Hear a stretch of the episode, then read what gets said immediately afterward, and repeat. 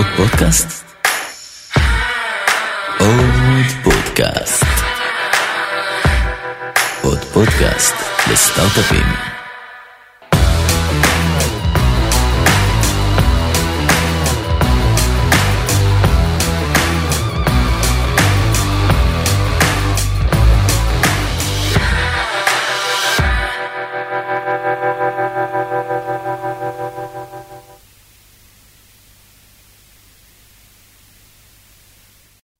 חדשנות על הבר, מובילי עולם הכלכלה הישראלית בשיחה אחד על אחד עם בכירי הרשות לחדשנות בברים ברחבי הארץ. כל מפגש יעסוק בהיבט אחר של החדשנות הישראלית.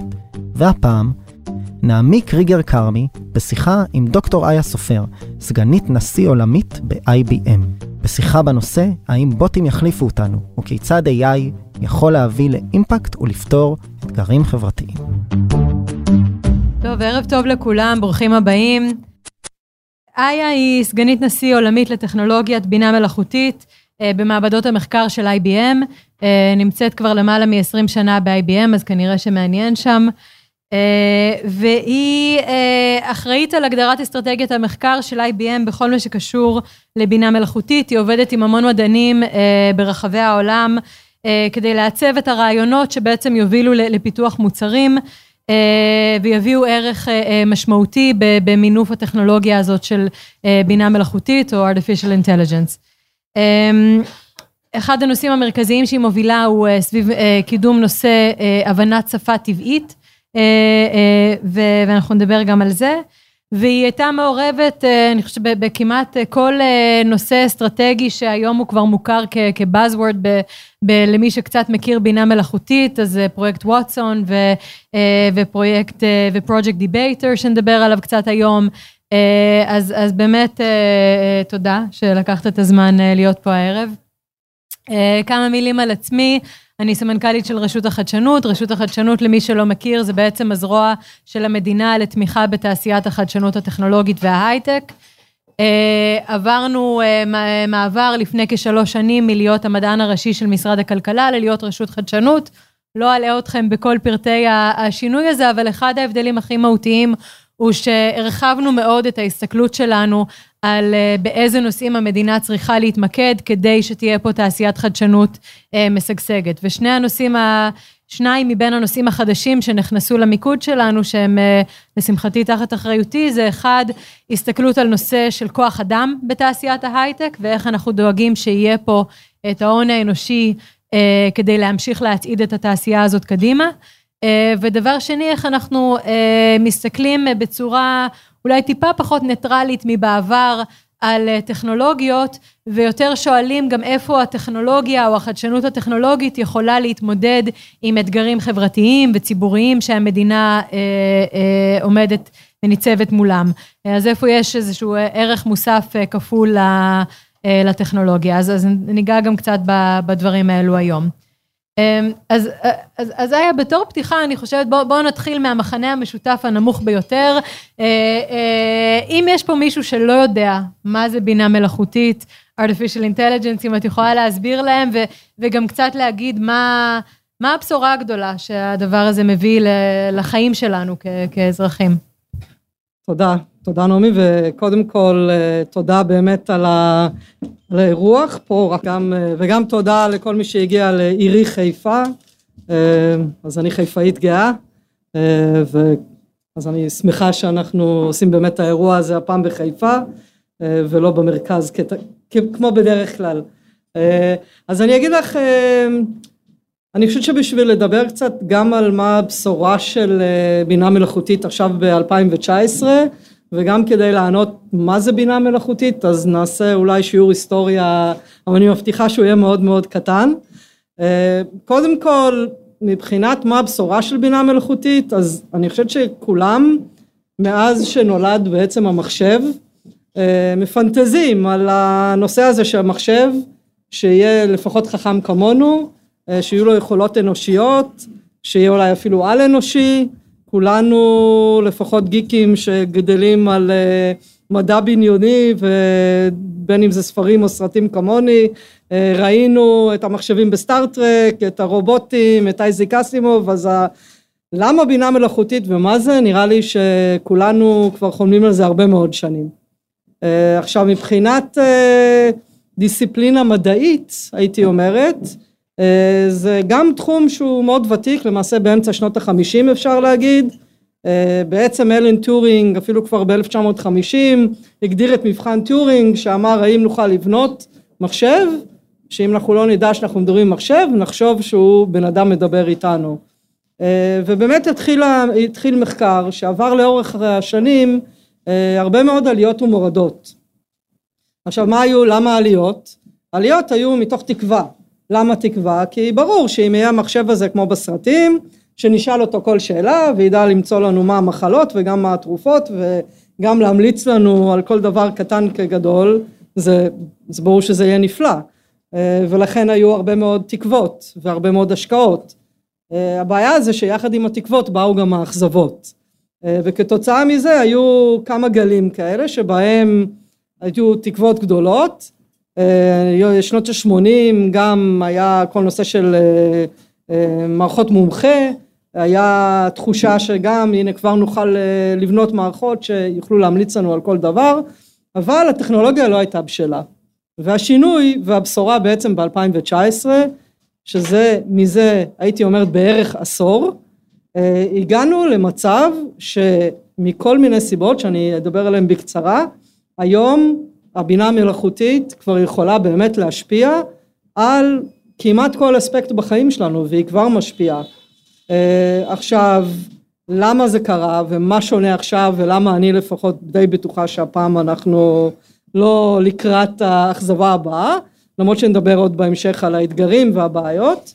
אה, כמה סיבות. אז א' הייתי אומרת שהתקווה בין היתר באה אה, ב-2011 כשאנחנו באמת ב-IBM עם רוטסון הראינו שמחשב הצליח בתחום שהוא לא פשוט בכלל, הבנת שפה, שאלות די מחודדות, לענות על, אה, לנצח שני אנשים שנחשבו לאלופים בעצם במשחק הזה מלך הטריוויה, אה, אבל יחד עם זה באמת כמו בכל המצאה ובכל תחום בהרבה מאוד חברות אחרות קבוצות אחרות, אוניברסיטאות, התחיל הגל שבסופו של דבר נהיה אה, Deep Learning או למידה עמוקה, נכון בעברית, אה, ואיתו כל מיני דברים כגון אה, ImageNet, שזה נשמע משהו לא כזה מסובך, זה פשוט מאגר מידע מאוד מאוד גדול של תמונות ומשימה. מה המשימה? משימה לסווג את התמונות. כשהתחילו היה המחשב הגיע אולי ל-75 אחוז דיוק, אנשים בערך 95 אחוז. תוך שלוש שנים הגענו למצב של פחות או יותר שוויון והיום במשימה הזאת המחשב עולה מעל כולם. אז כתוצאה מדברים מהסוג הזה שעכשיו מה זה בינה מלאכותית? מחשב שבסופו של דבר לומד. איך הוא לומד? הוא לומד נכון להיום בעיקר בצורה של דוגמאות. נותנים לו דוגמאות מתוך הדוגמאות הוא יכול להסיק מסקנות להגיע לכל מיני תובנות ובאמת כתוצאה מאלף מחשוב הרבה יותר חזק הרבה יותר נגיש והרבה יותר זול. היום למעשה כל אחד יכול להפעיל אלגוריתמים כאלה שדורשים הרבה מאוד כוח חישוב. ושנית אם ככל שצוברים דאטה אנחנו מתלוננים מצד אחד ומצד שני זה מאפשר לנו באמת לבנות מערכות שיודעות לעשות הרבה דברים חכמים. אז אם נגיע להיום, באמת כמו שאמרתי לך, לדעתי אין היום מישהו שבינה מלאכותית לא נוגעת בחייו יום יום. החל מהסדרה שאנחנו נראה בנטפליקס, אה, תוכנת הניווט שלנו, אה, וכלה בדברים הרבה, הרבה יותר הרי גורל, להתאים אה, ניסוי קליני לחולה במחלה סופנית, החלטות על הלוואות, יש היום באמת אין סוף תחומים שבהם בינה מלאכותית כבר היום עוזרת אה, לכולנו. אז, אה, אז אה, באמת, אה, אני חושבת שבאמת פרסת ככה כמה זה רחב וכמה זה מקיף כל כך הרבה תחומים, ואולי נצלול ככה לדוגמה ספציפית, אחד הפרויקטים שאת הובלת ושפרויקט דגל של IBM בשנים האחרונות, פרויקט Debater, עכשיו זה המקום לגילוי עצמי מביך בזמן שאת קראת אייזק אסימוב ו, אה, וראית Star Trek, אני הייתי בנבחרת ה debating, כל אחד והגיקיות שלו.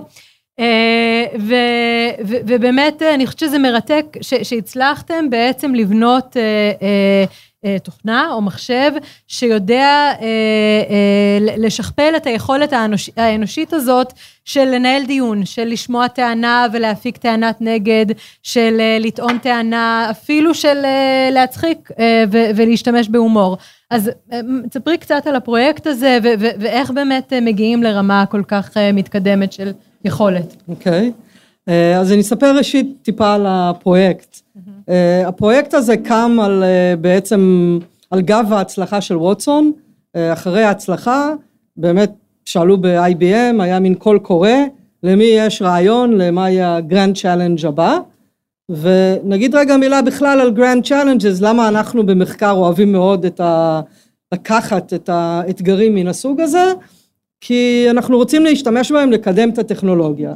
אין לי באמת מטרה לייצר מכונה שיכולה לעשות debate, אבל בהסתכל על איפה היינו בסוף ווטסון, ומה היה ה-state of the art של בינה מלאכותית באותו זמן, הגענו למסקנה ש debate זה סוג חדש של אתגר, שיצריך סוג אחר של בינה מלאכותית בכמה מישורים. אז המישור אחד, אם נסתכל על רוב ההצלחות בבינה מלאכותית, גם בווטסון, אם נלך לדיפ בלו, אבל גם גו ועוד הרבה משחקים אחרים, זה אתגר שפונקציית המטרה בו מאוד ברורה. אתה יודע אם אתה מנצח או לא מנצח, ושוב, אלה מכם, ואני יודעת שיש פה לא מעט שגם מבינים לא מעט בבינה מלאכותית, יודעים שהאלף בית של אלגוריתם כזה, בין אם זה השיטות הישנות של חיפוש ובין אם זה השיטות החדשות של reinforcement learning, דורש ממך שבכל צעד, כאשר אנחנו מסתכלים על כל האופציות, תהיה לנו פונקציית מטרה ונוכל לבנות משהו ש, שזה, שיוכל להתכוון לפונקציית מטרה הזאת. Debate, אין לך את זה. זה בעצם, זה open ended. ולמעשה אחת האתגרים הכי גדולים שהיה לנו זה אפילו מי מנצח בסופו של דבר בדיבייט. אז זה הרגיש לנו בתור מטרה ב-AI שהוא הרבה יותר דומה לעולם האמיתי. העולם האמיתי אין, אין שחור ולבן, אנחנו צריכים להתמודד עם, אה, עם אתגרים כאלה שאת לא יודעת מה נכון ומה לא נכון, הרבה יותר אה, פתוחים. אז זו סיבה אחת ובאמת אה, שבחרנו את הנושא הזה. והסיבה השנייה הייתה באמת התחושה שכמו שאמרת בהצגה שלי, שבנושא של הבנת שפה טבעית, הדרך שלנו, וזה עדיין נכון גם אחרי פרויקט דיבייטר, עדיין מאוד מאוד ארוכה מצד אחד, ומצד שני, אם אנחנו רוצים בינה מלאכותית, אנחנו, לפחות נכון להיום עוד לא גילינו שיש מישהו יותר אינטליגנטי מאיתנו כאנשים, מה מייחד אותנו מול כל האורגניזמים? זה השפה. אז אם אנחנו רוצים AI, ואם אנחנו באמת רוצים ש-AI יעזור לאנשים בתפקוד היומיומי, צריך שנוכל לתקשר. אם נחזור עוד פעם לסרטים, מי שראה סרט כמו היא, או her באנגלית, נכון, הזאתי שלוחשת ואת יכולה, אנחנו פשוט לא שם, ונראה לנו שלקחת אתגר כמו דיבייטר, לפחות יביא אותנו צעד אחד יותר קדימה, כי כבר צריך להבין ניואנסים הרבה יותר עמוקים, צריך להבין נימוקים, אה, ולכן באמת התחלנו עם הפרויקט הזה. אה, תוך כדי הפיתוח. ורק אני אשאל אותך כן, על זה, באמת בדיון או ברטוריקה, הרבה מהפנייה היא פנייה ללוגיקה, אבל הרבה זה גם פנייה לרגש ולמה מפעיל אותנו ומה משכנע אותנו. המחשב הצליח לעשות גם את זה? אה, אנחנו עבדנו על זה בצורה חלקית, הייתי אומרת. אה, באמת אחד הדברים שגילינו תוך כדי שהתחלנו לעבוד על הפרויקט, ראינו מהר מאוד שבעובדות המחשב באמת מנצח. וגם זה לא פשוט כי את מתחילה עם נושא מאוד מאוד מצומצם, אין בו הרבה, משפט קצר ואת צריכה להרחיב אותו לעולם ומלואו. אז גם מבחינת רק המבנה הסמנטי. כמו מה דוגמה רק למי שלא מכיר את הפורמט. אני אגיד, אה, אם אנחנו נגיד, ניקח את הדוגמה מהדיבייט ש... שבאמת בסופו של דבר היה לנו debate נגד אלוף ה debateים בפברואר השנה, הנושא היה we should subsidize preschools, כלומר אנחנו צריכים לסבסד את הגיל הרך, חינוך לגיל הרך.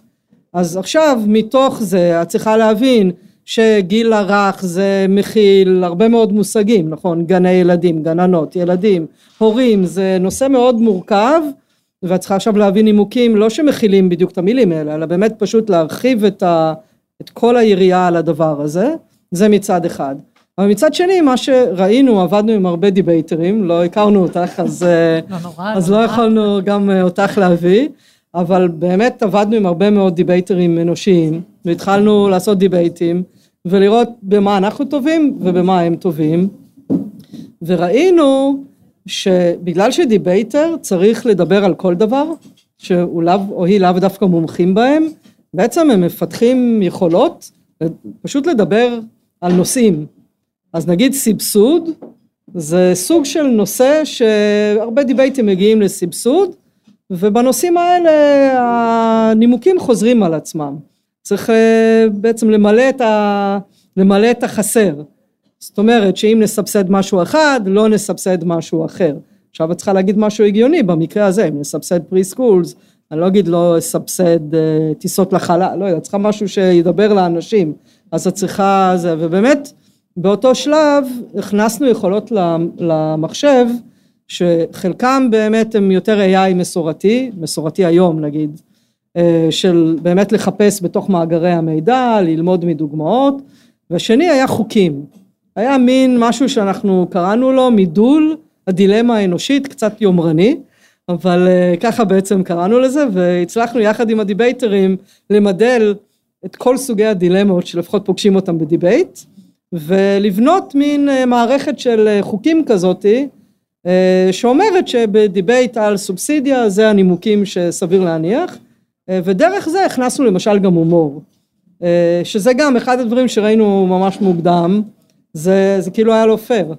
באה מכונה שמי שראה ביוטיוב או מי שלא שיראה זה, זה עמוד כזה שחור עם גרפיקה קטנה של זה, מדברת מדברת אפילו שניסינו לתת לה קול קצת פחות מתכתי עדיין זה מחשב מדבר ובא הבן אדם הוא מסתכל לך בעיניים הוא באמת uh, הולך ל, לרגש אז, אז ראינו שאחד הכלים זה הומור. uh, ואז באמת דרך אותה שיטה הצלחנו לתת למחשב הומור. עכשיו ההומור כבר בלתי הבעיה החוכמה היא לבחור את, ה, את הבדיחה הנכונה בזמן הנכון שדרך אגב זה מה שרובנו עושים, מי שלא בארצו ממציא בדיחות, זה אז בצורה הזאת הצלחנו והתחלנו לשלב גם טיפה יכולות שיותר נוגעות לרגש, דרך הומור, דרך אה, אה, בעצם quotes, אה, יש לנו שם גם הרבה מאוד quotes שאנחנו משתמשים בהם, של אנשים, מאוד ווינסטון צ'רצ'יל אמר ככה וככה, או אייזיק אסימוב, אז ניסינו בהינתן המסגרת להכניס לו כמה שיותר יכולות. שכן ייגעו גם בנושאים האלה. מעניין.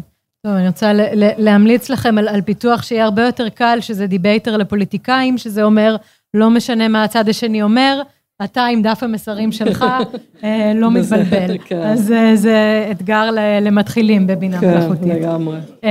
אבל, אבל אני רוצה באמת לקחת מה, מהפרויקט הזה, אני חושבת שהוא מדגים באמת את, ה, את המקום שה, שהבינה מלאכותית הולכת אליו, אם, אם בינה מלאכותית מסוגלת היום לנהל איתנו שיחה, להשיב לטענות שלנו. אני חושבת שמאוד קל לראות איך זה נכנס ומחליף תפקידים אנושיים שאנחנו מכירים היום בחברה, בשוק העבודה. אז פעם הבאה שאני אתקשר לחברת הסלולר ואגיד שאני רוצה להתנתק מהשירות, אני אמצא את עצמי מתמודדת מול מחשב על עם טיעוני מחץ שישכנעו אותי למה, למה להישאר בפלאפון או בסלקום. אז, אז זה קצת מצחיק, אבל אני חושבת שזה גם קצת מראה את אחד החששות הגדולים מ-AI, וזה מה הוא יעשה לשוק העבודה, וכמה באמת תפקידים ומשרות שהיום עושים אותם אנשים, כבר לא יהיה בהם צורך. אז מה, okay. מה עמדתך על זה? כן, אז נתחיל מלהרגיע את כולם, כי למרות היכולות המדהימות של פרויקט דיבייטר, הוא תוכנת וזה די אופייני לכל מערכות ה-AI היום.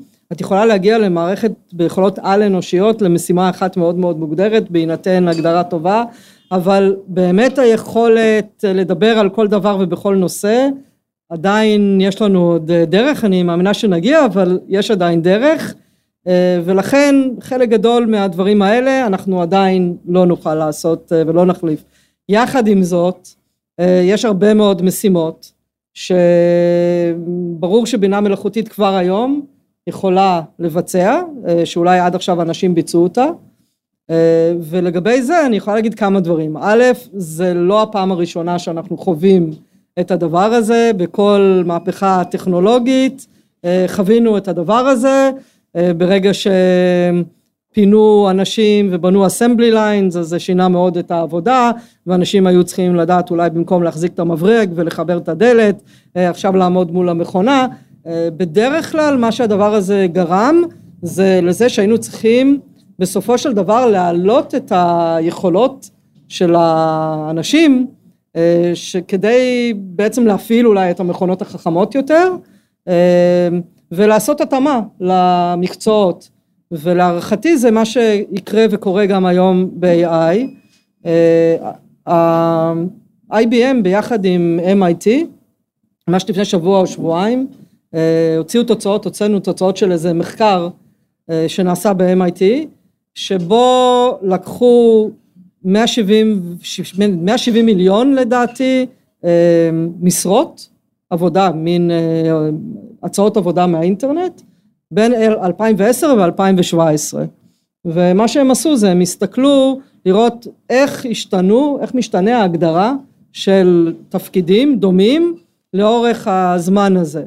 אה, ומה שהם מצאו זה, זה גם מאוד מעניין ודי די מתאים אולי לאינטואיציה, שאני חושבת שמי שמבין מה מחשב היום יודע לעשות, זה שקודם כל באופן כללי, היום רואים שמבקשים פחות, אה, בהגדרה של תפקיד יש אולי פחות משימות ופחות יכולות, זאת אומרת מחפשים אנשים יותר ממוקדים, ודבר שני כשמסתכלים מה, במה ירד, הירידה בדברים שמכונה יכולה לעשות היא הרבה יותר דרסטית.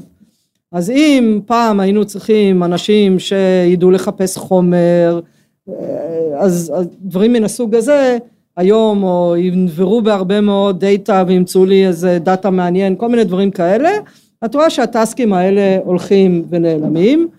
אה, אם נסתכל נגיד על מרכזי שירות, לענות על השאלות הקלות, כן, כנראה שהמחשב יכול לעשות, אבל עכשיו בעצם מה אנחנו צריכים? אנחנו צריכים שאנשים יהיו באיכות גבוהה יותר, אה, כדי שבאמת ידעו לטפל בבעיות היותר קשות וניתן למחשב לטפל בבעיות היותר קלות. אה, ובצורה כזאת באמת את רואים שהאופי של המקצועות משתנה, אבל מה שאנחנו צריכים יותר זה יכולות רכות, אוקיי? אז מה ראו? מעבר לזה שהדברים השתנו, כשמסתכלים באמת מה עלה, גם בביקוש אבל גם בשכר, בעצם רואים שהיכולות שהיום מקבלות יותר ערך הן יכולות רכות הן יכולות שדורשות דמיון, הם דווקא דיזיינרים אה, שהם מראים שם שהשכר שלהם עולה בצורה מאוד משמעותית, הם אנשים שיודעים להמליץ לך ולאו דווקא למצוא לך את האינפורמציה אלא להבין אוקיי נעמי מה יתאים לך?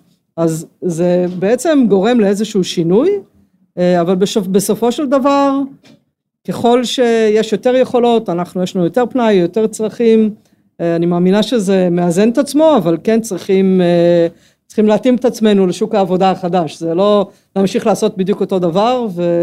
אלא באמת להבין מה זה סוכן הביטוח החדש, מה זה סוכן הנסיעות החדש, אה, מה זה הפרליגל החדש, פשוט לחפש קייסס קודמים, להחזיק אותם בראש זה כנראה לא כזה חשוב, אולי גם רופא, פחות להוציא את הידע, אבל יותר לדעת איך to apply it, או אולי איך לספר לי מה שצריך לספר לי, ו- וזה השינוי שאנחנו רואים ונמשיך לראות בשוק העבודה.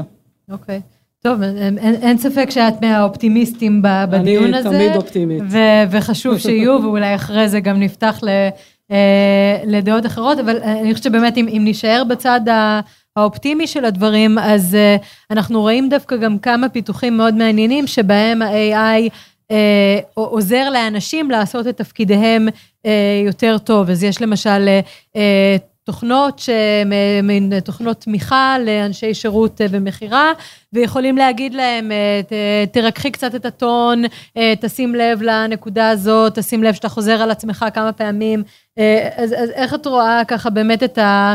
אה, נקרא לזה אה, assisted by AI, כן. אה, בתוך המקצועות שאנחנו מכירים. אז א', אני במסגרת האופטימיות שלי באמת מאמינה שזה העולם שאנחנו הולכים אליו, זה אנשים פלוס AI, יש כאלה שקוראים לזה IA, שזה Intelligence Augmentation במקום artificial intelligence, אה, ובאמת אני מאמינה שלפחות בטווח הקרוב, לא רוצה לנבא מה יקרה בעוד 30-40 שנה, אבל לפחות בטווח הקרוב זה באמת הסיפור, על השילוב בין אנשים ובין הבינה המלאכותית, אה, ובאמת הנושא הזה של אה, agent assist הוא נושא שאנחנו כבר היום רואים באמת את היכולות בין אם זה לעזור לך למצוא את התשובה שזה טריוויאלי, לכאורה, אני חושבת ברור שמחשב יודע לעשות את זה, לבין דוגמה כמו שאת נותנת של חברה שיודעת להבין בהינתן בעיה מסוימת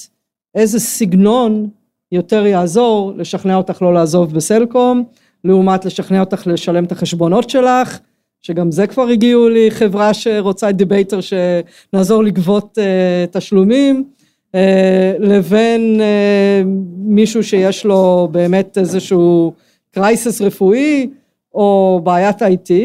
אה, אני יכולה להגיד לך עוד משהו מעניין בנושא הזה, אנחנו עשינו איזשהו מחקר יחד עם ענת רפאלי פה מהטכניון, שבדקנו האם אותו דבר נכון לגבי בוטים. זאת אומרת, האם האישיות של הבוטים משפיעה. כי היום הרבה פעמים כבר מדברים עם איזה מכונה, ומצאנו באופן די מעניין ומפתיע, שאפילו שבן אדם מדבר עם מכונה, אה, תלוי בסוג של השאלה ובתחום, אה, זה חשוב, האם הבוט אמפתי לעומת האם הבוט אסרטיבי, לעומת האם הבוט אה, מחייך, ואנחנו כאנשים זה באמת מאוד משפיע עלינו, ונראה לי שבאמת אפשר לעזור גם ב training מראש, ובוודאי וגם ב real time, לאנשים להיות עוד יותר טובים במקצועם. אוקיי. Okay. אה, ראינו לאחרונה כמה, אה, כמה מקרים שאני חושבת שחשפו את ה, גם את המגבלה של אה, AI, לפחות איפה שהטכנולוגיה נמצאת היום, במקום הזה שאני חושבת שלפעמים אנחנו מקווים שבינה מלאכותית תבוא ותעזור לנו להתגבר על, על קיבעון מחשבתי שיש לנו כאנשים, או על דפוסי פעולה שנתקענו בהם, ולפעמים דווקא נראה שה-AI אה, מקבע אותנו שם, אז אני אתן שתי דוגמאות שהיו לאחרונה, אה, ואני חושבת שלנו כנשים אה, בעולם הטכנולוגיה אולי נוגעות במיוחד, אז אחד היה פרויקט גדול שגילו סביב תוכנות בנושא גיוס כוח אדם, שהתחילו לשלב תוכנות מבוססות בינה מלאכותית למיון קורות חיים ומיון מועמדים, ואז גילו עם הזמן שהתוכנות האלה מעדיפות מועמדים גברים. כי זה מה שהעדיפו בעבר, אה, זאת אומרת המכונה למדה את העדפות העבר אה, ויישמה אותם אה, קדימה. ועוד דוגמה שהייתה ממש מהשבוע האחרון, אפל השיקה שירות חדש של אשראי לאנשים פרטיים והייתה דוגמה שתפסה המון תאוצה בטוויטר. שזוג נשוי, גבר ואישה, שניהם הגישו בעצם בקשה לקו אשראי, הם עם אותם הכנסות, גרים באותו מקום, הכל אותו דבר. והוא קיבל אה, מסגרת אשראי גבוהה פי 20 אה, ממנה, ועשה על זה הרבה רעש ברשת, שה-AI השוביניסטי של אפל. אה, אז, אז מה, מה את אומרת על okay. זה, אוקיי. ואיך, ואיך אפשר לגרום okay. כן. לזה לא להיות ככה? אז גם, גם פה אני מאוד אופטימית. עכשיו, למה אני אופטימית? כי... לא, זה לא, זה, זה לא מדויק. אבל אבל תכף אני אגיד לכם שוב שגם אנחנו, אבל באמת לא רק ב-IBM, אלא בכל עולם, ה, בכל עולם החוקרים ב-AI עוסקים היום בנושא הזה. אבל נתחיל רגע, מי שהיה בשיעור שלי של בינה מלאכותית אה, לפני רבע שעה עשרים דקות, כבר מבין שבינה מלאכותית לא מלמדת את עצמה, אין לה בינה באמת, היא לומדת מתוך מה שאנחנו, האנשים, נתנו לה כדוגמאות. אז בעצם מה שהבינה המלאכותית עושה זה אמפליפיקציה בעצם להטיות אה, שלנו, של האנשים.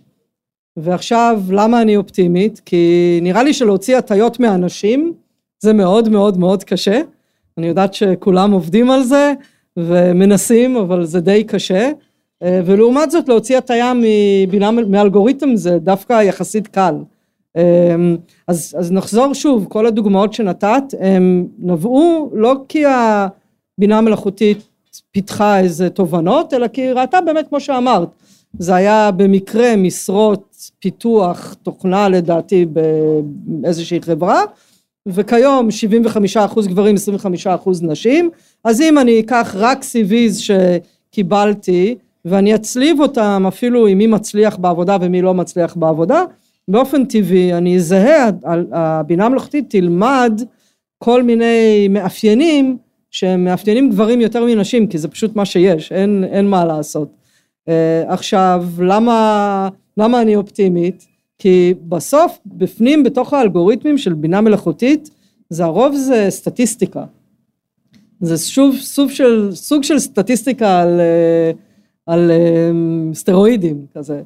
ובאמת, ברגע שאת מבינה את זה, אפשר להתחיל להפעיל כלים סטטיסטיים, כדי לזהות האם אנחנו, יש לנו בעיה של הטיה. אז במקרה הזה לא צריך להיות גאון מאוד גדול בסטטיסטיקה, לדעת שיש בעולם 50% גברים ו-50% פחות או יותר נשים, אולי 51-49 אפילו, אה, ולכן זה חשוד, אולי זה בסדר, יש דברים מסוימים שזה בסדר, ש... את יודעת, אם אנחנו צריכים אה, מועמדים לניסוי אה, פוריות או משהו בנשים, אז כנראה שזה בסדר שייצאו רק נשים, אבל אז אולי זה בסדר, אבל, אבל אם במקום אנחנו רואים שהתוצאות מוטות ויש לנו 75% גברים ו-25% נשים, סטטיסטית בנושא שאין שום סיבה שיהיה שונות, אז זה כבר מדליק לנו נורה. אה, אז אפשר כבר לזהות אולי שיש לנו בעיה שצריך לטפל בה. מעבר לזה, בהנחה שאנחנו רוצים לתת לאלגוריתם לטפל בזה באופן אוטומטי, אה, גם זה ניתן שאפשר לטפל בזה כבר בשלב הנתונים שאת מאכילה על הבינה המלאכותית, פשוט להגיד תשמעו אני רוצה שהדבר הזה יהיה שוויוני בצירים כאלה ואחרים בגיל וכן הלאה ולקבל איזשהו פילוג של הדאטה שהאכלת לבינה המלאכותית האם הוא עומד בסטנדרטים שאת היית מצפה לראות פה. אה, אפשר גם בזמן שהאלגוריתמים והבינה המלאכותית עובדת לנסות לראות סטטיסטית האם יש אזורים מסוימים שמשום מה מקבלים יותר משקל ואפשר גם בציור, בתוצאות הסופיות כך שבקיצור כמו שאמרתי יש הרבה יותר אופטימיות אה, מה שזה דורש אבל אני חייבת להגיד שזו שאלה מאוד מאוד חשובה בעיניי ואחד הנושאים שאני באמת עוסקת בזה והרבה מאיתנו עוסקים בזה הרבה זה מודעות. זאת אומרת בסופו של דבר זה כן דורש מאנשים בין אם זה אנשים שבונים את המערכות האלה אה, סטארט-אפים מדהימים שכולם עוסקים זה מאוד קל ליפול בפח הזה של אוקיי הכלנו את הבינה המלאכותית הזאת אלפיים דוגמאות והנה מתוך האלפיים האלה אפילו עשיתי טסט שמתי בצד זה מה שבדרך כלל עושים, את שמה בצד 300 ואת בודקת האם צדקת ואת חושבת שוואלה הנה זה מושלם. אה, אז אני חושבת שהמודעות שצריכים לבדוק את הדברים האלה היא חשובה וזה האופטימיות, כן, היא יחד עם מודעות ויחד עם האמונה, לפחות טכנולוגית אפשר לטפל בזה. כן.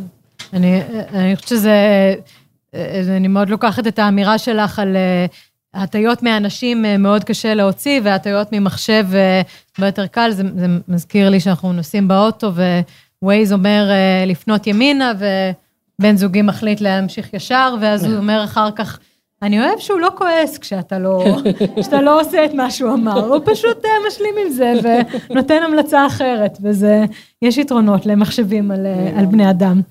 אמ, ו- אבל, אבל איפה באמת, אה, אני חושבת שהתחום הזה מעלה באמת הרבה אתגרים אה, אתיים, רגולטוריים, אה, סוגיות מאוד כבדות. איפה בכל זאת, במסגרת ז'אנר האופטימיסטית, יש נקודות שמדאיגות אותך קצת יותר, ושאת חושבת שאו קובעי מדיניות, או מפתחי טכנולוגיה, אז הצבעת על אחד, על הנושא של המודעות להטיות. הצבעתי על אחד באמת על הנושא של המודעות ושל האחריות. אני חושבת נכון. שהדבר השני הוא סוג של אחריות. אה, אחריות של מפתחים, אה, אחריות של... אחד הסכנות הייתי אומרת שאני רואה בתחום הזה של בינה מלאכותית היום זה שאנחנו עצלנים. מה זה אומר אנחנו עצלנים? אנחנו במקרה הזה זה מפתחי בינה מלאכותית. אה, אנחנו גם עצלנים וגם אין לנו תמיד דאטה. אבל לעומת זאת זה תחום שהדרך לפרסם את התוצאות שלך היא פתוחה לחלוטין ולכן כשאני באה נגיד עכשיו לבנות איזשהו מסווג או איזשהו מודל למשהו מאוד קל לי ללכת אי שם ברשת ולמצוא מודל שמישהו תכנת אותו, מישהו לימד אותו, הוא טען שהוא עושה משהו, אין לי מושג אם זה נכון או לא נכון, אבל יאללה, כבר אימצתי אותו, כי הנה יש לי כבר מודל שיחליט אם כן לתת הלוואה לבעל ולאישה או לא, ובכלל לא בדקתי שזה מתאים לדאטה שלי. יכול להיות שהמודל שעובד בישראל זה לא מודל שעובד בסן פרנסיסקו, זה לא מודל שעובד בסין. ואנשים שילוב של, אה, כמו שאמרתי, קצת בצחוק עצלנות, אבל גם כי לא תמיד יש לך, אה, ולכן כל הנושא הזה, עוד פעם מי מפה שמפתח תוכנה, הוא תחום שצריך לעבור בשלות שעבר כל התחום של התוכנה. בתוכנה עברנו הרבה מאוד שנים של אה, הנדסת תוכנה ובדיקות וכלים שבעצם נותנים לך לדעת האם התוכנה שהוצאת לעולם פחות או יותר עושה את מה שהיא צריכה לעשות, תמיד יש פה ושם באגים, אבל יש הרבה מאוד כלים, איך את עושה testing, איך את עושה, עכשיו בבינה מלאכותית נולד פרמטר חדש, הוא הדאטה, את יכולה לא לשנות שורת קוד אחת, ובעצם התוכנה שלך עכשיו לא עושה את מה שבחנת אותה כש... לפני שהוצאת אותה לשוק, ולכן אה, גם בזה צריך להיות אה, מודעים, להביא טכנולוגיות. אז אני נוגעת בצד הטכנולוגי, שזה כמובן הצד שאני גם יותר מרגישה איתו נוח וחזקה בו. אה, בכל אופן, אני מבינה שיש גם כמובן צדדים רגולטוריים וצדדים אתיים. פה אני מאמינה גם בסוג של אחריות חברתית, ודרך אגב, בינה מלאכותית זה לא הפעם הראשונה. זאת אומרת אה, טילים אה, שיכולים לעשות כל מיני דברים רעים, אפשר לדבר על רובים אה, שכפי שאנחנו יודעים בארצות הברית משתמשים בהם שימושים שכנראה לא לצורכם המציאו את האקדח ואת הרובה מלכתחילה, זה, זה נכון לגבי כל דבר, אז מפה והלאה כן צריכים איזה שהם חוקים באופן כללי על מה מותר ומה סביר ומה לא סביר שאנשים יעשו עם, עם טכנולוגיה כפי שבכל דבר אחר או עם דאטה אה, אז אני חושבת שיש עכשיו, אני מאמינה שחלק מזה כנראה כן יבוא ברגולציות. אה, ה-EU הלך די רחוק בסך הכל עם ה-GDPR, אה, זה כנראה יעבור תיקון, כי מה שקורה עם ה-GDPR זה שלב א', עושים... תגידי רק מה זה במשפט כן, למי GDPR שלא מכיר. GDPR זה איזשהו כללים שהוציא האיחוד האירופאי, שנוגע לכל מה שמותר או אסור לעשות עם, עם, דאט, עם, עם דאטה של אנשים. אה, עכשיו זה מתחיל מזה שפשוט צריך לבקש אישור. למעשה היום כל דאטה ב-EU שמישהו מעלה לאן שהוא צריך לקבל אישור ואני מאמינה שכולנו, אין בן אדם שניגש היום לאתר ב web ולא קופץ לו ישר אה, משהו שאומר מה אנחנו עושים ואנחנו צריכים את האישורך. עכשיו כולנו לא קוראים את זה ונותנים באמת את אישורנו אז זה, זה שילוב של זה, זה קנסות שאנחנו גם רואים שקורים הרבה פעמים אז יש תהליכים שכנראה יקרו בעולם, שסוג של ינסו לאזן את זה, אה, שחלקם הם חוקי כלכלה וחוקם הם חוקי התנהגות טובה, ואנחנו נצטרך אה, להתקדם ולשמור על הדבר הזה, אבל בעיניי בסופו של דבר הרכבת יצאה מהתחנה, הערך שהיה יכול ועוד יביא לעולם עולה בעשרות אלפי מונים מהסכנה, אז הפתרון הוא בוודאי לא לעצור את הקדמה, הוא כן להבין את הסכנות, הוא לפתור כמה שאפשר טכנולוגית, ויחד עם זאת להיות מאוד מודעים, לתת לכלכלה החופשית לעשות את מה שהיא יכולה, רגולטורים איפה שצריך, ואנחנו בתור המשתמשים, הצרכנים, כל מי שמתלונן לי על דאטה ופייסבוק וכן הלאה, אני גוגל, אני אומרת, אנחנו כולנו מקבלים שירות חינם כל יום. אז אם היינו מוכנים, כמה היינו מוכנים לשלם על כל השירותים האלה, אנחנו משלמים בדאטה שלנו עכשיו, אנחנו בוחרים כל יום לעשות את זה. אבל אה, זה מין איזון כזה שכרגע הוא במקום אחד, אני מאמין, כנראה שהוא יזוז קצת בהמשך. ואם באמת נחזור לה, להסתכלות אה, קדימה, אז אה, ווטסון ודיפ בלו ודיפ מיינד ופרויקט דיבייטר ומה מה החזית הבאה מבחינתך? מה מה? היעד? אה, זו שאלה טובה.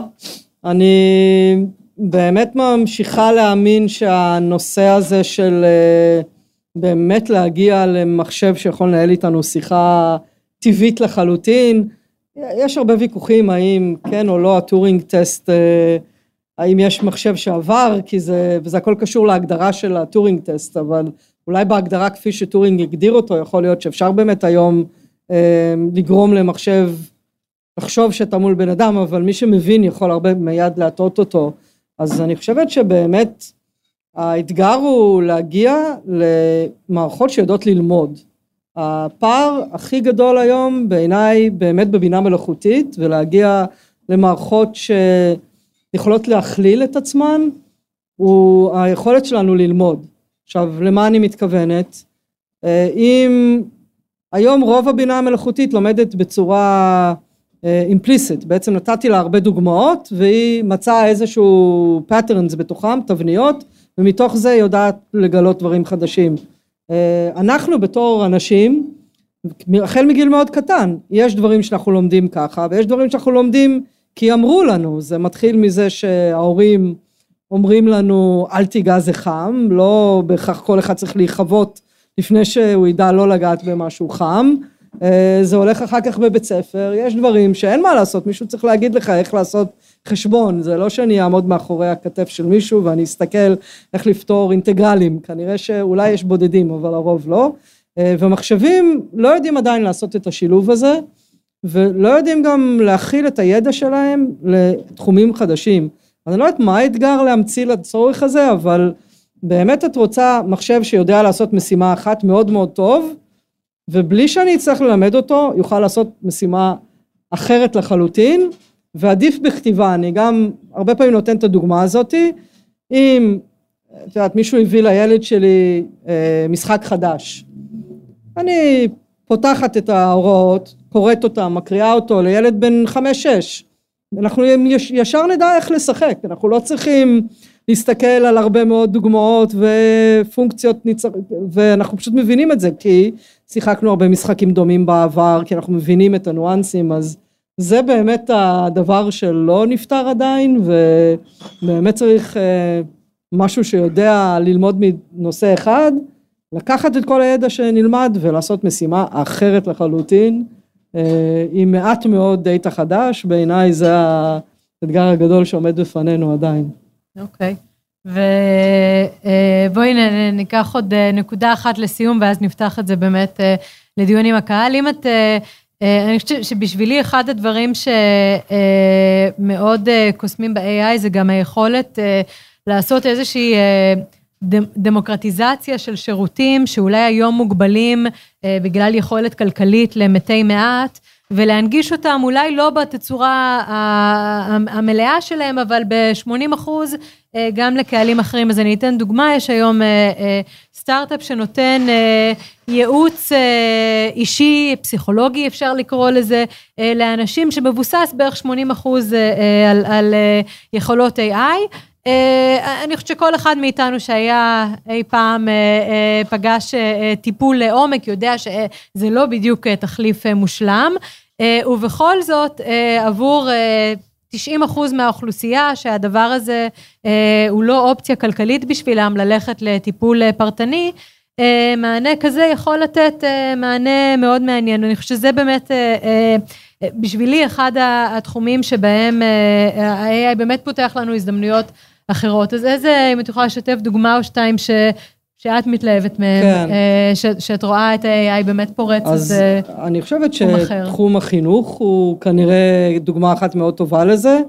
אמ, באופן כללי הייתי אומרת שהתובנה שלנו היום, אחרי שאנחנו עובדים גם בתחום הבריאות, גם בתחום החינוך, הוא שאיפה שיש מומחים, מאוד מאוד קשה, כאילו לא, AI לא יכול להיות המחנך הכי טוב או הרופא הכי טוב, אבל איפה שאין נגישות, זה באמת המקום שיכולים, שהבינה המלאכותית יכולה לבוא ולתת מענה אה, במקומות שפשוט אין בהם מספיק מורים או מספיק ידע ודוגמה לזה, אנחנו באמת, אחת המעבדות שלנו היא בהודו, ובאמת לא במפתיע, החבר'ה בהודו לקחו את הנושא הזה של האם אנחנו יכולים להשתמש בבינה מלאכותית כדי להגיע למקומות שבהם עדיין רמת החינוך מאוד נמוכה ואיך אפשר באמת באמצעות אפילו משחקים או כל מיני כלים מהסוג הזה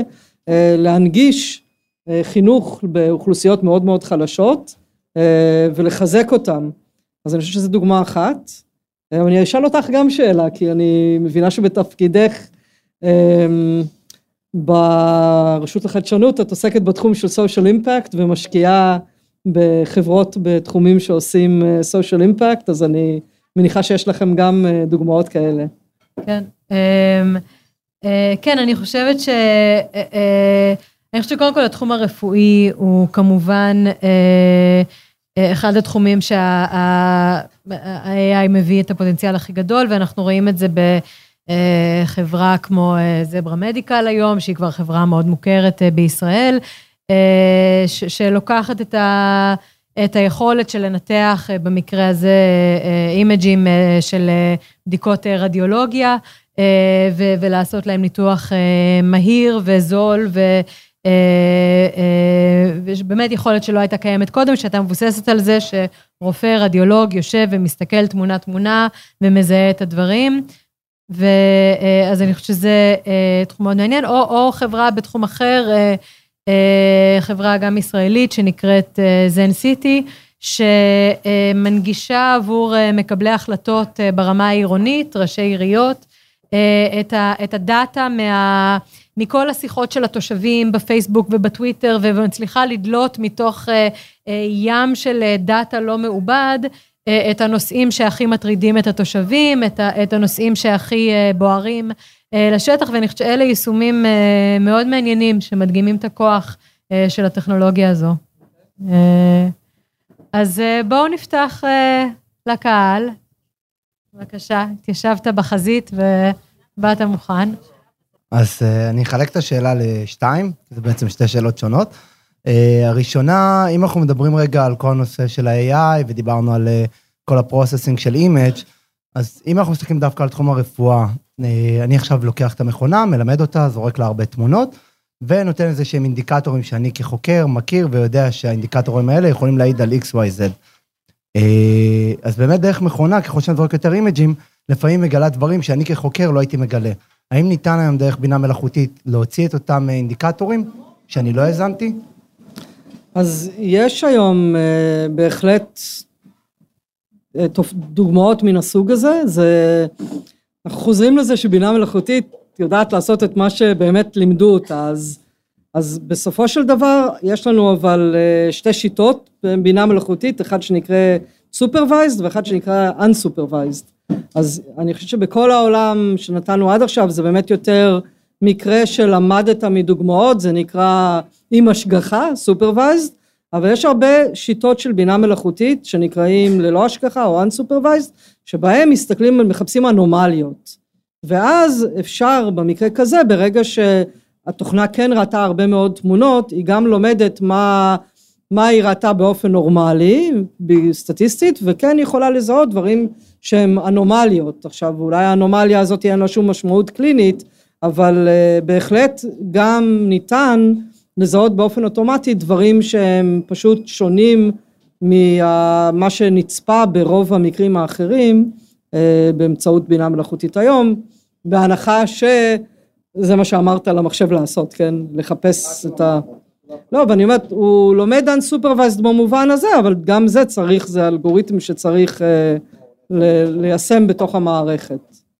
הזכרת נושא של AI וחינוך בדוגמה של הצוות בהודו, ונראה כאילו שהדיבייטר יכול להיות התחלה של תשתית של מחנך. איזה עוד דברים אתם עושים או אחרים בתחום החינוך ואיזה הצלחות יש כבר בעולם בנושא כן. הזה? אז באמת בתחום של חינוך יש גם בארץ דרך אגב תעשייה מדהימה, יש כמה חממות שמתעסקות בתחום הזה של, של חינוך דרך אגב גם משרד החינוך אני חברה באיזה צוות היגוי של משרד החינוך שהיום מסתכל גם איך להשתמש בבינה מלאכותית בבתי הספר וגם איך ללמד ואיך לגדל את הדור הבא של אה, אנשים עם יכולות בינה מלאכותית עוד בגיל בית ספר. אה, הייתי שמה את זה מהדברים שאני מכירה, זה לא באמת המומחיות העיקרית שלי. אה, תחום אחד זה כל הנושא של פרסונליזציה, שזה כבר היום יש מערכות לגמרי לא רעות, שיכולות לנסות לאבחן כל תלמיד איפה הוא או היא מתקשים, ובאמת להתאים את הלימוד לתלמיד ספציפית, אם אחד מתקשה בסוגריים והשני מתקשה בשברים, אז המחשב יכול די בקלות לאבחן את זה, אז זה פשוט ברמה של באמת להתאים את חומר הלימוד הקיים. אה, פרויקט אחר שכן נעשה אצלנו בארצות הברית, זה כבר לייצר תוכן. זה ממש להגיד, אוקיי, אני אהיה מסוגל, אה, המחשב יוכל לייצר תוכן תואם לאתגרים חדשים. אה, אז אני חושבת שזה בעולם באמת של יותר לייצר תוכן.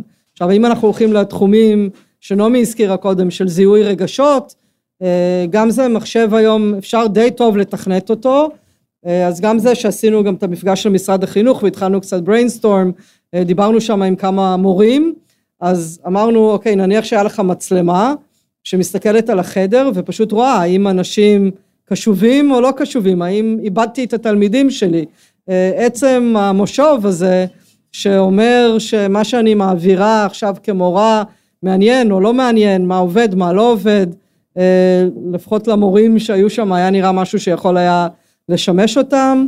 אה, יש לנו פיתוח שעשינו שגם מכיוון שדיברנו רגע קודם, שעשינו עם ססמי סטריט שאולי אתה מכיר, שבאמת נועד לחזק את האוצר מילים של ילדים בגיל הרך, אז לדעתי היריעה היא מאוד מאוד גדולה, אה, אפשר לעשות, וכבר עושים היום, אני חושבת שיש דברים אה, די, די מתקדמים בנושא הזה.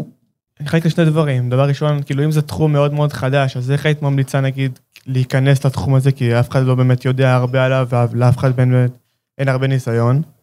והתייחסת לזה, להודו, נגיד, ואמר, אבל הרבה אנשים שם, כאילו, אנשים עניים ואין להם אה, באמת הכנסה ואין להם רקע בטכנולוגיה, לא בטוח שיש שם מחשבים או יותר מדי, אז איך הם יכולים ללמוד את זה? אז כן. זה בעצם מראה את המצב שלהם, כאילו, הופך אותם ממש ל... אה, האמת היא שהדבר המעניין, שוב, שם הם לא לומדים AI, הם לומדים באמצעות AI, והדבר נגיד המעניין שקורה במקומות כמו הודו, שהם הם דילגו על השלב הבסיסי של הטכנולוגיה וטלפונים היום, אה, זה משהו שנכנס בכל מקום.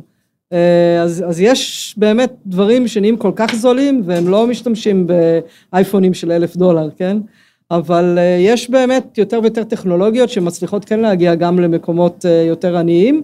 זה לא טריוויאלי, ברור שמה שתעשה עבור תלמידים בתיכון בישראל או בארצות הברית זה לא אותו דבר שתוכל לעשות בהודו, אבל יש פה תקווה דווקא בזכות AI ושאתה כן שולח לשם ואוסף נתונים וכן הלאה שאפשר אפילו להנגיש דרך טלפונים פשוטים אה, בטכנולוגיות שהיום קיימות גם בהודו. עכשיו השאלה הראשונה שלך איך נכנסים לתחום, אה, תראה זה תחום מצד אחד חדש ומצד אחד לא כזה חדש, אז אה, תחום שתופס הרבה מאוד תאוצה, היום בחוגים למדעי המחשב, מקומות שלומדים היום בעיקר באמת נכנסים לתחום של AI זה או בחוגים של מדעי המחשב, אה, הנדסה, הנדסת תעשייה וניהול, מקומות מהסוג הזה. אה, יש היום עלייה מטורפת היום למספר הנרשמים בכל אוניברסיטה לקורס אה, בבינה מלאכותית. דרך אגב, אני למדתי לפני לא מעט שנים, אבל סיפרתי לכם על, ה, על התקווה שהייתה בשנות ה-80, אז גם אני בתואר הראשון שלי במדעי המחשב למדתי בינה מלאכותית. היא הייתה מאוד שונה, היא הייתה באמת יותר בינה מלאכותית של עצי חיפוש וכאילו איך שחשבנו שפעם יהיה בינה מלאכותית.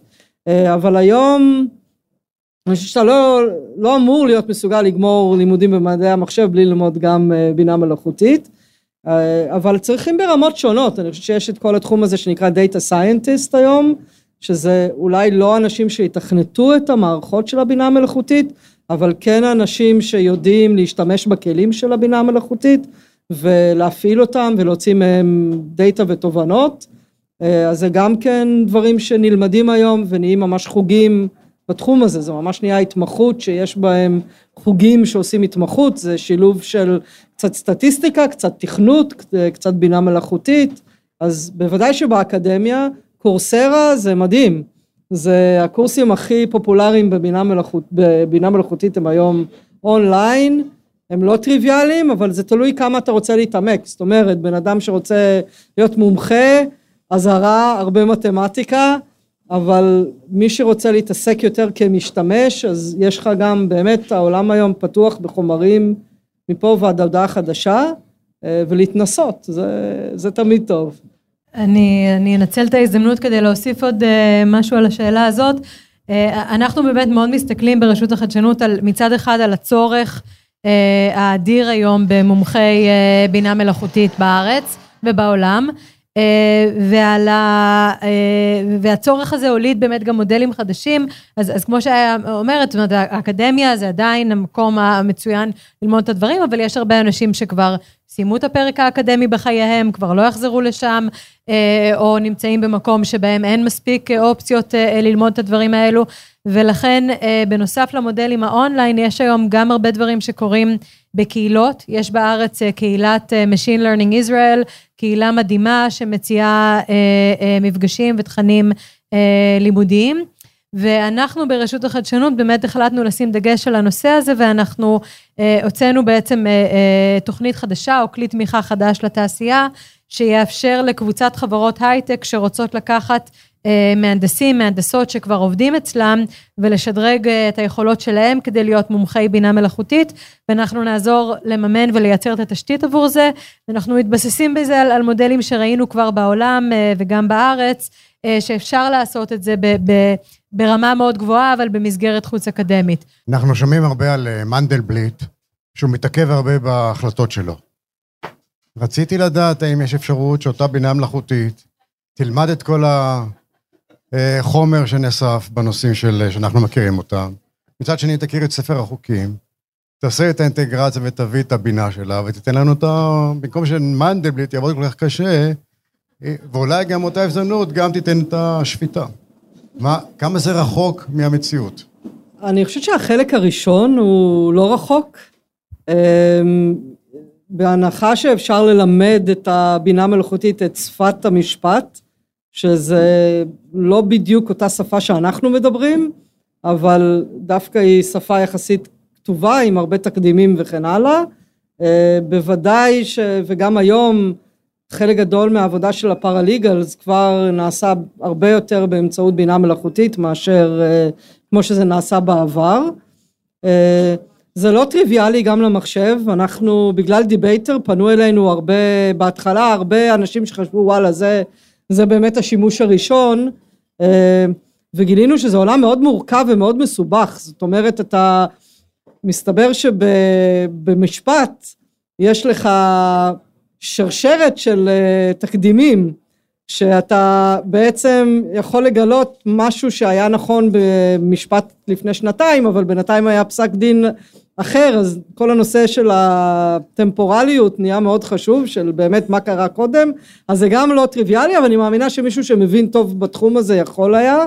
אה, לגבי שפיטה, אני עדיין, אה, אולי בזה אני תמימה, כן, אבל אני עדיין מרגישה ומאמינה שיש שם איזשהו אלמנט אה, שהוא לא נוסחה, שהוא לוקח בחשבון הרבה הרבה הרבה פרמטרים אנושיים, ושבו אני מקווה שלעוד הרבה שנים אה, שאני אפגוש אה, שופט אמיתי. אולי בצבא זה המקום הראשון, אני יודעת, שופטים צבאיים כאלה, אני יודעת, אה, נרדמת במשמרת, כן. תודה רבה, היה ממש מעניין, אבל האמת שאני יוצא דווקא יותר מודאג מאשר קודם, למרות האופטימיות שלך.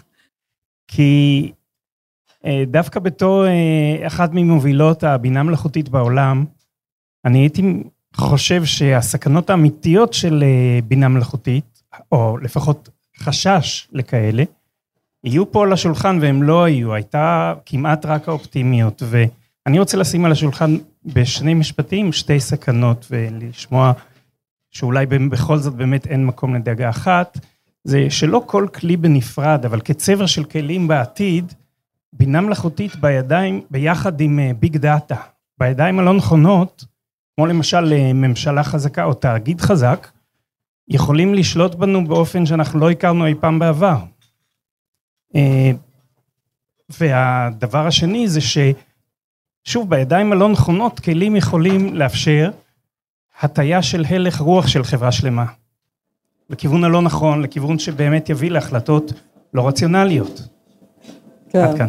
אז א', אני לגמרי מסכימה איתך, זאת אומרת שזה שתי נקודות אה, לגמרי, אה, ולא לא התכוונתי להקל ראש בשום צורה בבעיות האלה, שהן בעיניי, הן בעיות אה, לאו דווקא של הטכנולוגיה, הן פשוט בעיות אמיתיות שקיימות היום בעולם, שהטכנולוגיה ללא ספק נותנת להן יכולות הרבה יותר מאי פעם להיות מופצות.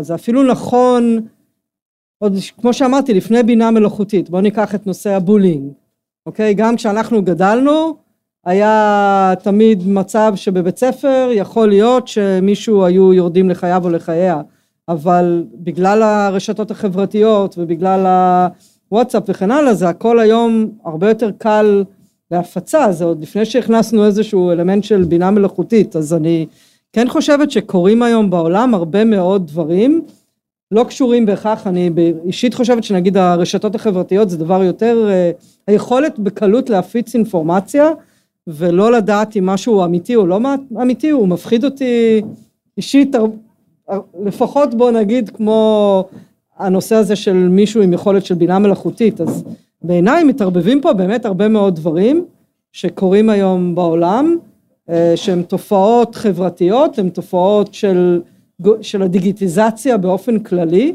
אה, בלי קשר לבינה מלאכותית, ואני מסכימה איתך שבסוף גם בינה מלאכותית היא יכולה לעשות פה עוד יותר הטיות בידיים הלא נכונות, כפי שאמרתי, כמו שיכלו לפני כן כלי נשק בידיים הלא נכונות וכן הלאה, אז כל מה שאני אומרת זה שהשילוב של מצד אחד מודעות וכן להכניס כמה שיותר טכנולוגיות לבינה המלאכותית, לפחות בשביל ה-good guys, תאפשר לנו לא לעשות את הדברים האלה בטעות. אז זה, זה אני חושבת שדבר אחד. ובצדדים האחרים, זה בעיניי חלק ממכלול באמת הרבה יותר מורכב שכן צריך לטפל בו, של איך יודעים אם משהו אמיתי או לא אמיתי, שגם שם כנראה שבינה מלאכותית יכולה דווקא אולי לעזור. אה, אז אני באופטימיות זהירה כזאת, כי אני חושבת שבאמת הטכנולוגיה, כמעט בכל הדברים האלה, יש לה תפקיד בלעזור, וכפי שאמרת, אני גם חושבת שאי אפשר לעצור אותה וצריכים, אבל אני מסכימה איתך שאני כן מודאגת באופן כללי מ... מהשיח, מהיכולת להפיץ את השיח הזה, מדברים כמו קיימברידג' אנליטיקה שבאמת עושים בהם, יש לנו גם דוגמה אמיתית, שימוש אה, לא כל כך אה, מוצלח, וזה המקום שאני באמת חושבת שהתפקיד של הרגולטורים, ברגע שמתגלה כזה דבר, ל, ל, לפג... ל, ושלנו כלקוחות, מה שלא עשינו לדעתי לפייסבוק, כן? אה, באמת לשים גבולות, וזה איכשהו, שאמרתי, אני עדיין לא בפוליטיקה, אבל אה, איפשהו זה שילוב של כל הדברים האלה שאנחנו צריכים לטפל בהם, ובינה מלאכותית הוא... הוא מרכיב, הוא לא בעיניי הדבר ששינה את המצב. אז... אה, עדיין לא. שמעתם פה את הסקופ. עדיין לא. עכשיו אני אתעדף שאלה מאישה. יש כזו? הנה, כבר ראינו בינה מלאכותית. בינה אנושית. בינה אנושית. אני רוצה לשאול דווקא את נעמי, בגלל שכולם מדברים על הסיכון, ומדברים על זה שהסיכון הוא עתידי, ולפי דעתי הסיכון קיים, והוא הסיכון של השימוש לרעה וריכוז אה, המידע בידי אה, גורמים שהם גורמים שאנחנו לא היינו רוצים שירוכז, הוא יהיה בידו. מה מידת המעורבות של המדינה והפיקוח של המדינה, למשל, קח את התחום הצר הזה של הבינה המלאכותית. איך המדינה כרגולטור אה, מצליחה איכשהו אה, לווסת את הנושא הזה, ומה... אני לא יודעת שום דבר, שום מעורבות של המדינה בנושא הזה, או איזושהי יכולת פיקוחית. אז אם תוכלי להגיד לנו, נשמח. אה, תראי, זו שאלה מאוד גדולה שאני לא בטוחה שלי יש את אה, כל המידע לענות עליה, אבל אה, הנושא היום הוא, הוא, אני חושבת שאחד האתגרים של אה, נושאים כאלו של רגולציה על טכנולוגיה, שזה יושב אה, בתפר בין אה, הרבה זרועות של המדינה ולוקח זמן לפעמים או לתכלל את העבודה המשותפת, או, או להחליט אפילו מי אחראי על, על זה, אז יש, יש משרד המשפטים ויש רגולציה על רכישה או ייצוא של טכנולוגיה ישראלית לחו"ל. עכשיו עלה לדיון לאחרונה הנושא של הטלת אה, מגבלות ייצוא מגבלות על מכירת IP למדינות מסוימות, תמיד נכנסת פה גם פוליטיקה וגם רגולציה. יש היום מאמץ לאומי סביב ספציפית הנושאים של, של AI, ישראל גם הצטרפה לפורום עולמי בנושא הזה שנקרא ה-C4IR, ה-Center for uh, the Fourth Industrial Revolution, שיש פורום גלובלי של מדינות שמדבר באמת על הבלנס הזה בין טכנולוגיה, שיקולים אתיים, שיקולים רגולטוריים. ואז אז אני, זאת אומרת, הייתי רוצה להגיד לך, אל תדאגי, הכל תחת שליטה. אני לא חושבת ש... אני לא חושבת שכאזרחים במדינה אה, אה, אנחנו יכולים, אה, זה גם לא, זה גם לא מציאותי. אז אני חושבת שהיום הרבה גופים מכווננים לנושא, מודעים לנושא, מסתכלים על היבטים שונים של, של זה, ואני, ואני מאוד מתחברת כן לאמירה של איה, שבסוף גם הכוח של אנשים כצרכנים של טכנולוגיה, כמשתמשים בטכנולוגיה, כמודאגים מהסוגיות האלה, הוא זה שישפיע גם על הרגולטורים אה, וישים את הנושא יותר גבוה בסדרי העדיפויות. אני חושבת שהאוריינטציה של ישראל אה, אה, בנושאי טכנולוגיה, זה אנחנו מפתחי הטכנולוגיה ואנחנו מאוד גאים בזהות הזאת ובצדק, אנחנו רוצים להוביל את החדשנות, היום יש להרבה מדינות כתבו איזושהי אסטרטגיה לאומית ל-AI וזה מאוד מעניין לראות ואולי את תגידי על זה משהו, את, את השונות העצומה בין נגיד אסטרטגיה של מדינות אירופאיות מסוימות של AI שמדברות המון על הנושא של אה, governance וערכים וכולי, לעומת האסטרטגיה של אה, מדינות אסיאתיות ב-AI שזה אנחנו נשיג את מרוץ הפיתוח אה, העולמי וזה שתי תפיסות שונות. ישראל עוד לא גיבשה אסטרטגיה אחת רשמית אבל היא בטח יושבת איפשהו באמצע. אולי את רוצה להגיד על זה משהו. באמת אם, אם רוצים לחפש סיבות לדאוג מי שרוצה לחפש סיבות לדאוג זה סין.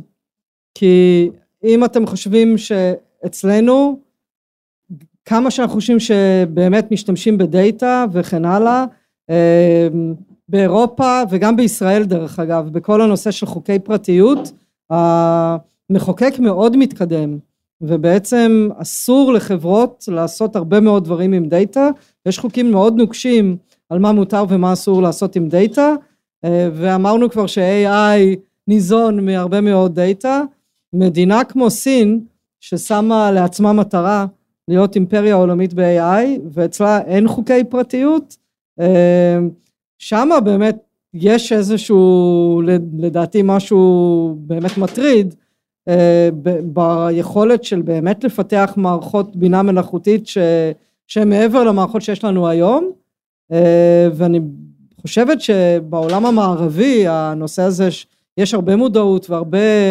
ביקורת לעומת מה שאין מי יודע מה, אה, אני חושבת שלא יודעת עדיין מה הם יכולים לעשות עם זה, אבל אה, ללא ספק המטרה שלהם לפתח ולהתקדם בטכנולוגיות בזכות זה שבכל מקום יש מצלמה ושומעים סיפורים מאוד מטרידים שמי שרואה את מראה שחורה אה, כבר דברים שכבר קורים היום בסין, שיש לך ציון של כמה אתה, מה, מה הקרדיט שלך, לא על סמך כמה שילמת, אלא על סמך אה, איך התנהגת ברשתות החברתיות וכל מיני דברים די הזויים, אז אני חושבת ששם יש לנו בעיניי, אבל אולי יש פה מומחה לסין שיסביר לי שזה לא ככה.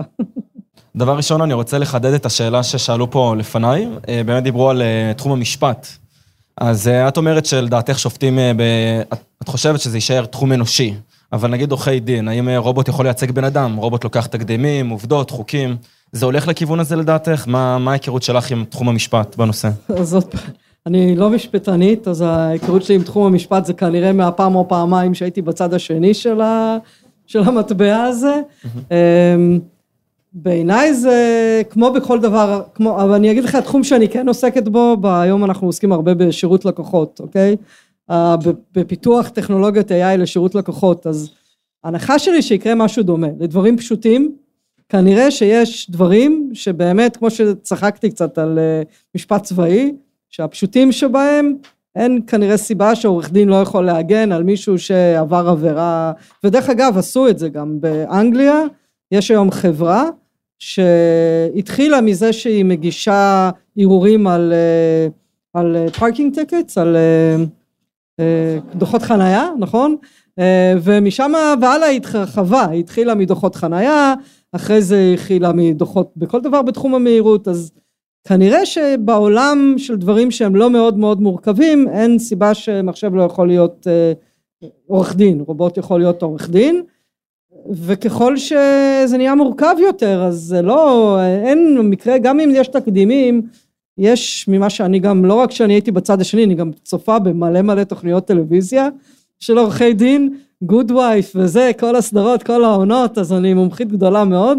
אמ, בצד הזה, זה נראה לי שמה שהם עושים זה הרבה מאוד פלפול אנושי ולהבין מערכת מאוד מאוד מורכבת שהיא לא כולה תקדימים, היא מי עומד מולך, מה קורה מסביב, אבל אתה יכול לראות שהכלים שהם משתמשים בהם הם בוודאי יעזרו ב-AI, כי הכל נובע מזה שמצאת איזשהו לופול בחוק או משהו מהסוג הזה, אז אני חושבת שזה ללא ספק כלי שיכול לעזור לעורכי דין להיות יותר טובים, אבל אני מאמינה כמו בכל דבר, יש את הזנב, אנחנו קוראים הזנב הקצר והזנב הארוך, אז בקצר, כלומר הדברים הפשוטים שחוזרים כנראה שנראה, וכבר יש, ואני חושבת שהרוב, הרוב נופל שם בזנב הארוך, שזה מקרים שלא חוזרים על עצמם והם לא פשוטים, ו... ו... אבל הם ידרשו כמו בכל דבר אחר מהעורכי דין להתחדד ולא להשתמש במתמחים לעשות דברים שמחשב יכול לעשות. אוקיי, אפשר עוד שאלה אחת קטנה? תודה. אה, דיברת על אה, התחלה של תחום המחקר אה, בבינה מלאכותית, שראו בסרטים, כמה שהבינה מלאכותית טובה וחיובית. אני דווקא אלך לתחום השלילה.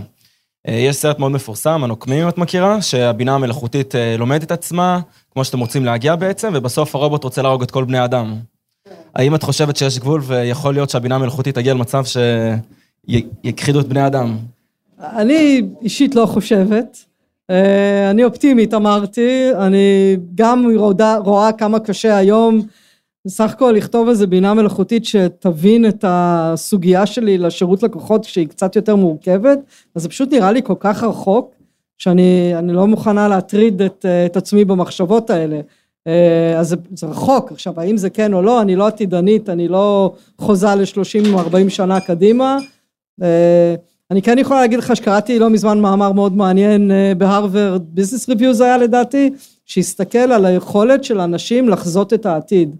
וזה דווקא קצת יפחיד אותנו עכשיו, כי הטענה הייתה שהתחזיות בדרך כלל התממשו, אבל לקח להם הרבה יותר זמן ממה שחשבו.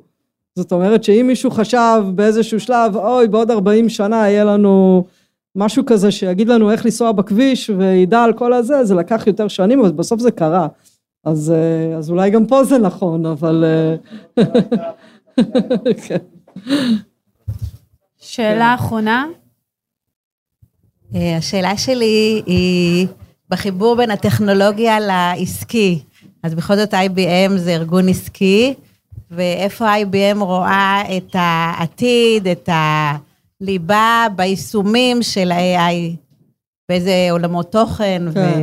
וכיוונים. אז, אז אני אגיד לך שני דברים בפן ה-IBMי, אז א', אנחנו באמת חברה שלא בהכרח, אנחנו חברה שמוכרת לחברות, נכון? עוסקים בעיקר ב-B2B, אז אנחנו קצת פחות עוסקים ביישומי קצה בסופו של דבר. אמ, אבל אנחנו, והיישומים שאנחנו עוסקים בהם בכל אופן הם גם קשורים ללקוחות קצה שלנו. מצד אחד, א', אנחנו כמו חברות אחרות מפתחים הרבה כלים. אז א', בצד העסקי, כדי שכל הסטארט-אפים וכל החברות וכולן יוכלו לקחת את המפתחים שאו שעשו קורסים או שלמדו באקדמיה ולפתח בחברות שלהם פתרונות, צריכים כלים יותר טובים. אז זה תחום עסקי אחד גדול בפני עצמו. אה, זה איך באמת אנחנו מפתחים יותר ויותר כלים אה, שהם גם אמינים וגם יודעים לבדוק אותם וגם עם הזמן אולי רף הידע כדי להשתמש בהם יהיה נמוך יותר. יש תחום שלם של AI for AI, שאנחנו כבר מנסים לעשות אוטומציה למערכות ה-AI. אז א', כל העולם הזה של כלים לעולם ה-AI הוא בעצמו ביזנס די גדול. מבחינת יישומים אני יכולה להגיד אצלנו, מכיוון שאנחנו חברה אה, חברת IT בסופו של דבר, אה, וחברה שמוכרת הרבה בתחום ה... לבנקים, חברות ביטוח וכן הלאה, זה הרבה מהיישומים שאנחנו באמת רואים. אה, בין אם זה באמת לשפר היום את כל הנושא של התחזוקה של מחשבים, של ציוד, וש, שנהיה מורכב, זה נהיה כל הזמן יותר ויותר מורכב מצד אחד, אז את רוצה שהמכונות יוכלו לנהל את הדברים האלה, וגם לעזור לאנשים. כל הנושא של שירות לקוחות, אה, תחום שאנחנו היום באמת מתמקדים בו. אה, מצד אחד, כל, כל אחד יודע שלקוח מרוצה או לא מרוצה זה משהו שבסוף יכול, אה, מהשירות שהוא מקבל, כן, יכול בסופו של דבר לקבוע את ההצלחה של חברה. מאידך זה מאוד יקר וצריכים הרבה אנשים אז יש הזדמנויות לאוטומציה אבל כמו שאמרתי קודם בעיניי אין תחום זאת אומרת תחומי החינוך ותחומי הבריאות ותחומי הביטוח ותחומי הטרנספורטיישן אה, אין לדעתי היום היישומים הם קיימים בכל, בכל מקום במיוחד כשמשלבים עוד עם טכנולוגיית IoT סנסורים בלוקצ'יין אה, היום כל הנושא של אה, המעקב אחרי מזון בתור דוגמה אולי טיפה איזוטרית אבל מאוד חשובה אז בעיניי היישומים כולל העסקיים הם, הם בכל תחום כי בכל תחום התוספת נתונים התוספת אה, נתונים של היסטוריה נתונים חיים והיכולת לייעל את זה לשפר את זה לעשות אוטומציה היא בכל מקום. שאלה אחרונה באמת לבעלים של הבר שמארח אותנו יוני תודה. בבקשה ותודה לכם. אה, אני חושב שזה חידוד לשאלה של אה, האם אה, AI מתכוונת להשתלט על העולם, איך אה, ה-AI בכתיבת קוד? אה, זה נושא מעולה, חם מאוד, באמת היה ממש עכשיו, הסתיים לנו מין סדנה כזאת של שלושה ימים שישבו טובי המומחים על הנושא של AI for code. AI, כמו שאמרתי, בעולם של ה-AI כבר כותב את כאילו מנסה לכתוב את ה... לקבוע את כל הפרמטרים של ה-AI בצורה אוטומטית אה, ולגבי כתיבת קוד מה שאמרתי קודם יחל כנראה גם על קוד. זאת אומרת קוד פשוט מכונה תכתוב דברים מורכבים יותר אנחנו נצטרך את הבינה. אה, מעבר לזה שמי שעוסק בקוד מבין שהקוד זה הסוף.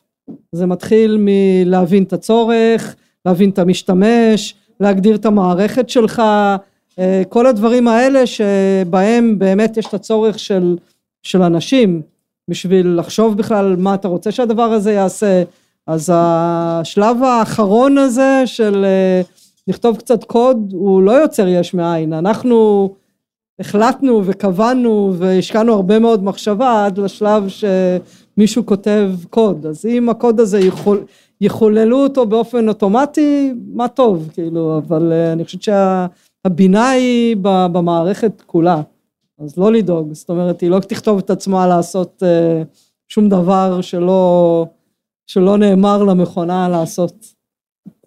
תודה. אני אתן לנעמי לסיים, אני רק רוצה להגיד, את הזכרת קודם, אה, AA Week זה יוזמה ראשונה של אוניברסיטת תל אביב, אינטל ורשות החדשנות, זה מתקיים מחר ומחרתיים באוניברסיטה. אתם מוזמנים להיכנס כולכם לאתר רשות החדשנות באנגלית, כתוב למעלה English, ולקבל uh, כרטיסים uh, ללא תשלום, פשוט להירשם דרך האתר ואתם מוזמנים להגיע. כן. צריכה להגיד לי את זה לפני אה, שבוע, כי לא אני, אני מרצה. מי שכבר שילם לא יכול לקבל החזר. אמ, אז באמת אני רוצה קודם כל להודות גם למארחים שלנו פה. לנועה, שעכשיו שמעתם אותה, אה, נועה וייזר שבתאי, מנהלת האירועים של רשות החדשנות, עושה את עבודתה בצורה מדהימה, לשותפים שלנו מווייז. אה, עוד מישהו ששכחתי, נועה, בתודות? אה, ולכם, הקהל המדהים שהגיע, ובאמת לדוקטור איה סופר,